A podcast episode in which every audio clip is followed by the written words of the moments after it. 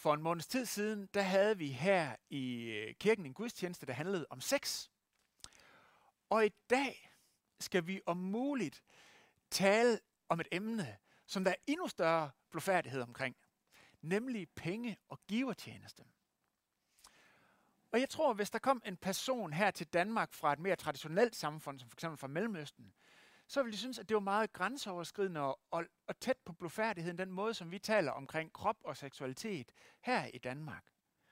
Men på mange måder tror jeg faktisk også, at mange danskere oplever, at Bibelens lette og ligefremme tale omkring økonomi og givertjeneste går lidt tæt på. Og den er jo faktisk øh, for størstedelens vedkommende skrevet i Mellemøsten. Så sådan kan det være lidt forskelligt. I Danmark siger vi, at penge det er noget, vi har. Det er noget, vi snakker om. Og øh, spørgsmålet er jo så, om den blufærdighed gør os godt, eller den faktisk også på nogle områder afholder os fra noget godt. I hvert fald så lad jeg i dag invitere til, at vi lader os udfordre af Bibelens frimodige og ligefremme tale omkring det med økonomi og givertjeneste. Teksten fra Bibelen i dag her til midfast søndag er fra øh, 2. Korintherbrev kapitel 9, vers 6. Og der står sådan her.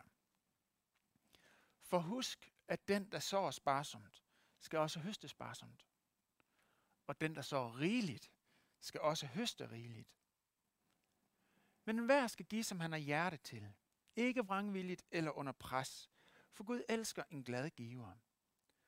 Og Gud magter at give jer alt noget i rigt mål, så I altid og i alle måder har nok af alt, og endda overflod til at gøre godt. Som der står skrevet, han strøede ud, han gav til de fattige, hans retfærdighed består til evig tid.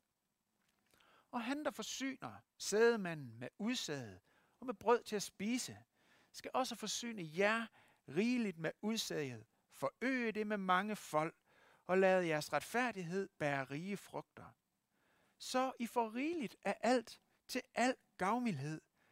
Og det er en gavmildhed, som fører til taksigelse til Gud gennem os.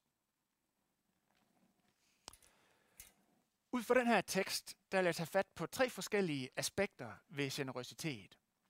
Dels generøsitetens modsætning, dels generøsitetens frisættelse, og dels generøsitetens frugt. Altså modsætning, frisættelse og frugt.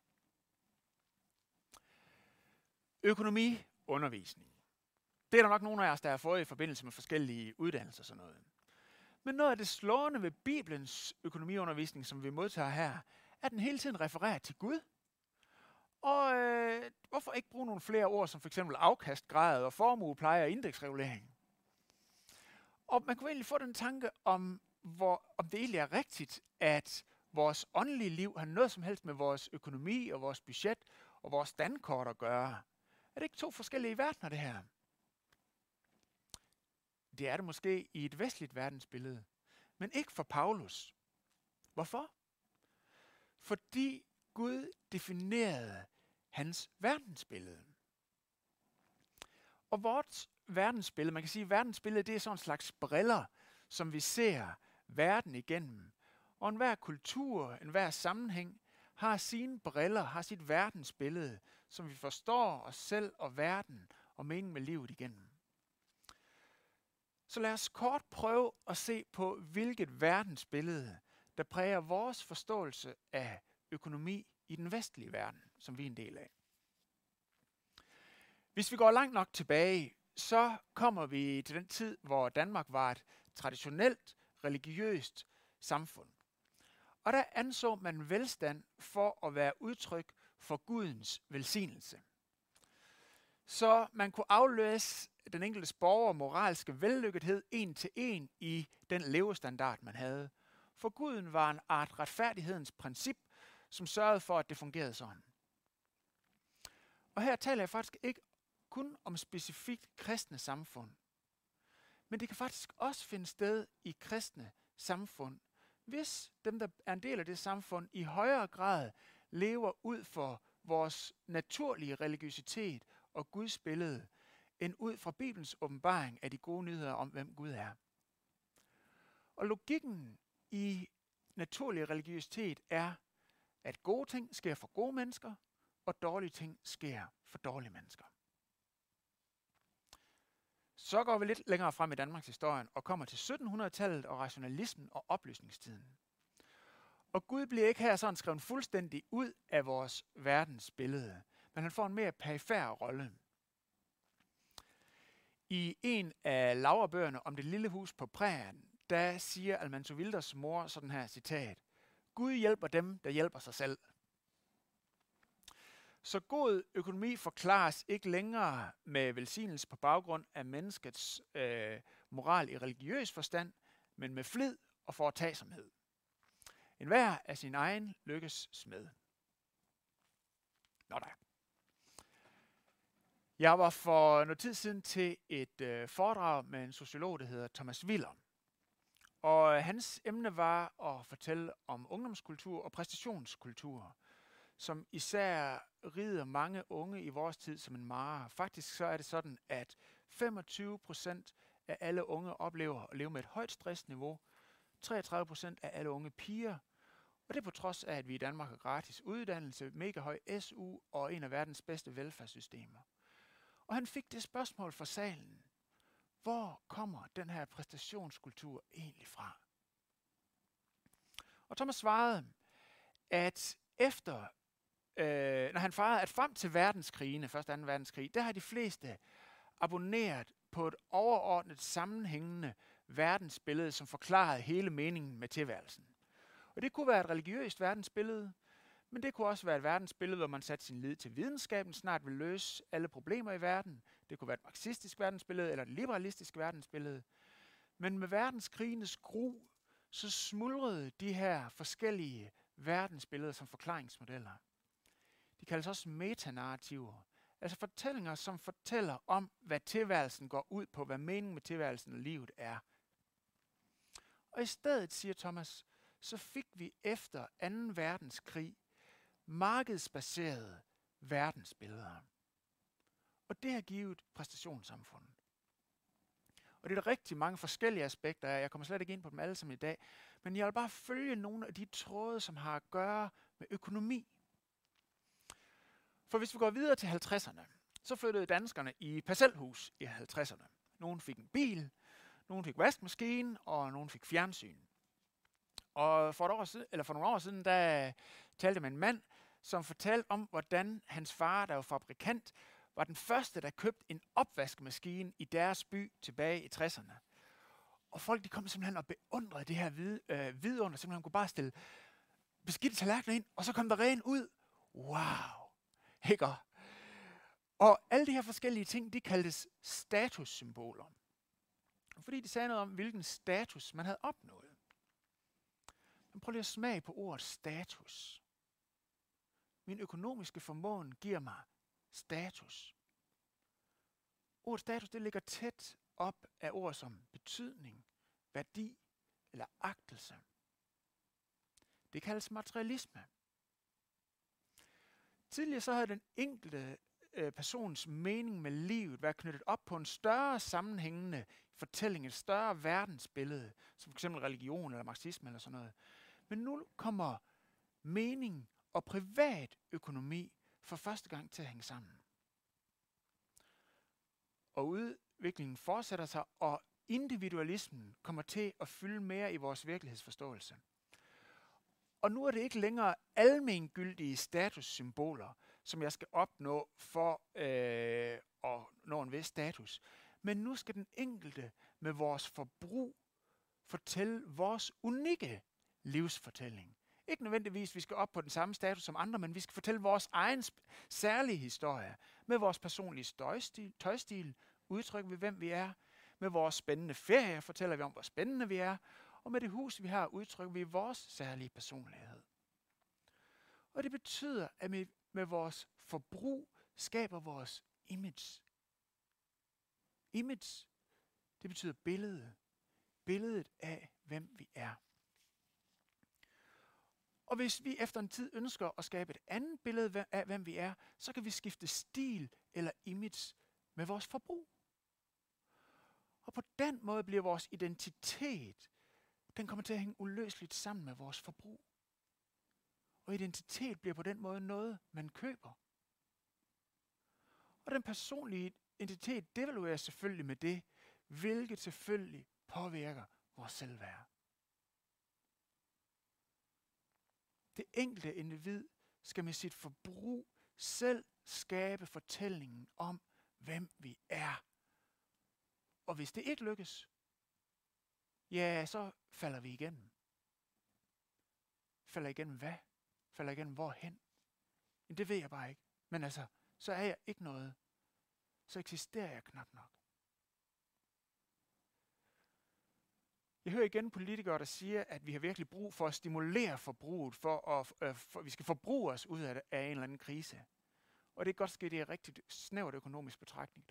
Men jeg tænker bare, nej, nej, nej, nej, stop. Vi er netop i gang med at forbruge os dybere og dybere ind i en langt større krise. Og det er rigtigt, vi taler om frit marked og frit valg på alle hylder, og det tror jeg sindssygt også, det er godt i sig selv. Men alligevel, så giver det os større og større pres og større og større ufrihed. Fælles for alle de verdensbilleder, jeg lige har gennemgået, er princippet. Du får kun det, du har fortjent. Noget for noget. Og du kan takke dig selv for alt, hvad der går godt, og alt det, der ikke gør. Og det er jo en fest for nogen, et helvede for andre, men det er ufrihed for alle. På grund af samfundsmodellen er dårlig eller et eller andet? Nej, ikke nødvendigvis. Men på grund af det åndelige fangenskab, som en livsfortælling og et verdensbillede uden Gud fastholder os i. Kristendommen tilbyder en helt anden livsfortælling. Prøv lige at høre, hvad der var, der stod i det stykke, vi læste. Gud magter at give jer alt noget i rigt mål, så i alting, i alle måder har nok af alt, endda overflod til at gøre godt. Og prøv at lægge mærke til, det verdensbillede har et helt andet udgangspunkt end min indsats. Nemlig en kærlig og omsorgsfuld og generøs Gud, der elsker at give gode gaver til dem, han har skabt. Og han er endda så magtfuld, at han er i stand til at varetage vores forsørgelse. Og da jeg sad og arbejdede med det her, så kom jeg til at se, eller kom jeg til at tænke på et filmklip, jeg havde set øh, op til jul, og det skal I simpelthen også lige have lov til at se lidt af. Det kommer her.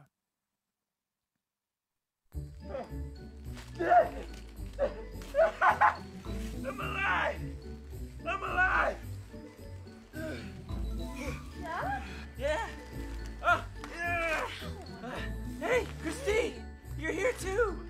I love you. I know. Dad, what's happening? Honey, the power works.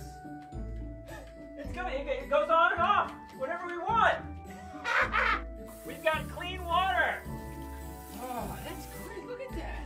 Ooh. Gud er simpelthen en Gud, der elsker at give gode gaver. Han elsker det. For eksempel så har han forberedt en smuk solskinssøndag til os i dag. Det er jeg rigtig glad for, efter det regnvejr, vi havde i går. Men jeg tror, Gud har glædet sig til, at vi skulle have den her solskinsdag. Han har givet mig evnen til at stå ud af min seng i dag. Men han har givet mig et hoved og hænder, så jeg kan få lov til at passe mit arbejde. Og han har givet mig og min familie vores nuværende forsørgelsesniveau. Nuværende forsørgelsesniveau. Og ja, Gud har forsørget os på forskellige niveauer igennem tiden. Vi har prøvet at have meget få midler, og vi har prøvet at have i overflod. Men altid har vi sunget, og det er der måske også nogle af jer, der gør, inden øh, I skulle spise, så synger vi hjemme også. Alle gode gaver, de kommer oven ned. Så tak da Gud, ja pris da Gud for al hans kærlighed. Og hvorfor gør vi det? Det gør vi, fordi at hver eneste gave, vi får lov til at nyde, er et kærtegn for vores gavmilde far, der ønsker at gøre os opmærksom på hans godhed og omsorg. Kan du se, hvilken forskel kristendommen gør? De andre verdensbilleder skaber en tilværelse, hvor alt hviler på mine skuldre. I tidligere tiders verdensbillede så hvilede min forsørgelse på mine skuldre, og i nyere verdensbillede så hvilede din status, din værdi og din eksistens på dine egne skuldre. Men den virkelighed, som relationen med Gud åbner op for, der er alt noget, som Gud har givet til os i sin glæde og sin gavmildhed. Så kan man spørge, men hvilken forskel gør det egentlig i praksis? Jo, det gør verden til forskel. For hvis vi for eksempel er vellykkede, og ting går godt efter verdens målestok, og vi så tolker det som vores egen fortjeneste, så fører det uafværligt til hovmod, hvor vi konkluderer, jamen andre, som det ikke er gået lige så godt for, de kunne jo bare have taget de samme valg som mig, de kunne jo bare have gjort det samme som mig. Og ved du hvad, selvom vi står med øh, stor øh, bil eller et eller andet fedt, så er der faktisk ikke meget glæde i den konklusion. Det er der ikke. Men hvis alt jeg har, det derimod er en gave, så fylder det vores liv med taknemmelighed og glæde. Det ligger simpelthen indbygget i den logik. Vi læste, Gud magter at give jer alt noget i rigt mål, så I altid, i alle måder, har nok af alt, og endda overflod til at gøre godt. Og ved du hvad, Gud ønsker ikke bare at have os på passiv forsørgelse, men han har faktisk inviteret os til at træde ind i hans flow af godhed i den her verden. Han ønsker at velsigne os med overflod, så vi kan tage del i hans øh, generositet og hans velsignelse til den her verden, til andre.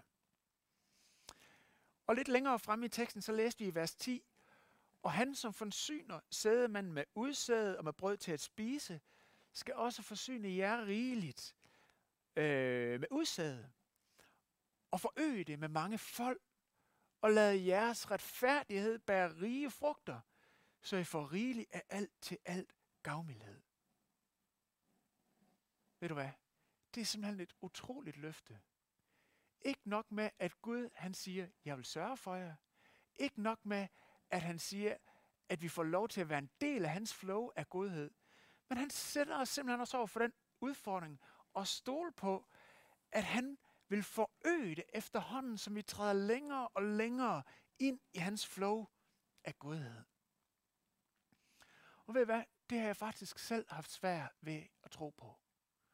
Og jeg vil fortælle lidt om min egen rejse igennem det her. Da jeg var en øh, ung mand, af 19-20 år, der jeg, jeg må sige, jeg stolede simpelthen ikke på, at, at, at Gud han var på den måde. Jeg levede i knaphedsmentalitet. Jeg holdt på mine midler, fordi jeg var bange for, at der ikke var nok. Jeg stolede ikke på Guds forsørgelse. Og øh, et øh, udtryk for det var for eksempel, jeg købte aldrig en is. øh, fordi jeg, øh, jeg sparede sammen til at skulle stifte familie, og jeg var simpelthen bange for, at hvis jeg brugte nogen som helst penge, så ville der ikke være nok. Øh, og så tød jeg en lille smule op og begyndte af og til at købe en lille sodavandsis. Dengang kunne man få noget, der hed en filur. Øh, sådan en lille sodavandsis, der ikke smager noget, og den kostede kun 5 kroner, så det kunne lige gå. Men jeg var stadigvæk øh, levet under knaphedsmentalitet. Og forvandlingen begyndte at ske i mit og i vores liv, da øh, Bente og jeg var nygift, og vi skulle til at finde ud af, hvordan skulle vores økonomi øh, se ud sammen, og hvordan ville vi leve vores øh, voksenliv eller et eller andet. Vi skulle til at bestemme os for, hvor meget vi ville give videre af det, vi har fået betroet. Og vi var på det tidspunkt øh, nygifte, vi var øh, nybagte forældre, vi har lige fået Benjamin, som står dernede bag ved kameraet nu. Og øh, jeg skulle øh, til at starte med at læse øh, teologi på menighedsfakultetet, og der kunne man ikke engang få SU, fordi man forsker og underviser ud fra en overbevisning om, at øh, man kan stole på Guds ord. Så det vil staten ikke Jesu til. Så vi havde ingen idé om, hvordan vi skulle få det her til at hænge sammen. Men vi havde faktisk et ønske om at leve i tillid til, at Gud vil sørge for os, og at vi kunne stole på ham, også med den del af vores liv, som havde med økonomi at gøre. Og jeg husker det budget, hvor vi satte os ned, og vi kunne ikke, nej, det kunne vi ikke få til at hænge sammen. Vi vidste ikke, hvordan det ville gå. Men vi bestemte os for, at vi ville give 10% af, det, af, af vores indtægt videre til Guds riges arbejde. Og det begyndte vi at gøre. Og ni år efter, øh, da jeg var færdig uddannet, øh, og vi har fået tre børn undervejs, og der var vores økonomi vokset med over en million kontant under studiet. Og jeg er simpelthen svært ved at forklare, hvordan at det er gået til, uden at bruge begrebet velsignelse. Se, vi kan så snuble nemt komme til at sige, Nå, jamen det er jo øh, Guds belønning for, at vi nu har gennemskudt eller udregnet hans markedsmekanismer. Men det er det simpelthen ikke. Det er simpelthen Guds flow af godhed, som han tager os længere og længere med ind i. Og jeg har hørt mange historier og fortællinger fra jer i menigheden, som har oplevet noget lignende. Hvordan det går an at stole på Gud, også med sin økonomi. Og så giver det måske også nogle spørgsmål at høre sådan en fortælling. Og et af dem kunne være, om det så egentlig er en opfordring til bare at tage hovedet under armen og springe ud i det. Og ved du hvad, det vil jeg simpelthen aldrig anbefale nogen at gøre. Og jeg vil sige, det er fuldstændig lisse åndeligt at sætte sig ned, regne på det, stille regneark op, lave et budget og planlægge. Og så kan man have det som sin ambition, som man planlægger frem imod. Man kan også på baggrund af sådan en historie øh, spørge, Nå, men præst, mener du så, at man skal give tiende? At man skal give 10% af sin indtægt videre til Guds rige til arbejde? Og hvad sagde han så til det? Han siger, nej, det skal man ikke. Det er et rigtig godt princip for Gamle Testamente at give tiende. I mange frikirker i dag giver man tiende. I langt de fleste kirkesamfund øh, fra Jesu tid op til i dag har man givet tiende, og øh, man skal også give tiende til den danske øh, statskirke frem til 1903 her i Danmark. Det er et godt princip for Gamle Testamente, men det gentages faktisk ikke i Nye Testamente. I stedet så lyder det, som det gør i teksten til i dag, en hver skal give, som han har hjerte til. Ikke vrangvildt eller under pres, for Gud elsker en glad giver. Gud han er selv glad. Gud er glad, Gud er en glad giver, der elsker at give gaver. Og han er faktisk først og fremmest optaget af, at vi forstår hans godhed. At vi forstår hans hjerte med vores hjerte. Og derfor spørger han, hvad har du hjerte til at give? Fordi det er det, han er optaget af. For vi kan nemlig sagtens give, også give meget ud fra et legalistisk mindset hvor vi siger, nu har jeg givet, hvad får jeg så ud af det? Nu har jeg levet op til principperne og fået fluebenet. Hvor er så min velsignelse? Men kære ven, Gud kommer aldrig til at elske os mere, fordi vi giver mere. Gud elsker dig allerede 100 procent.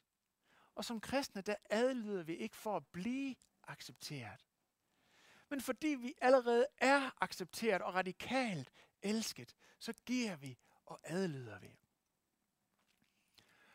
Og øhm, jeg ved godt, der er mange af jer, der har eftersvurt sådan lidt mere håndfaste principper for givertjeneste. Og jeg havde egentlig også tænkt, at jeg ville komme ind omkring det i den her prædiken.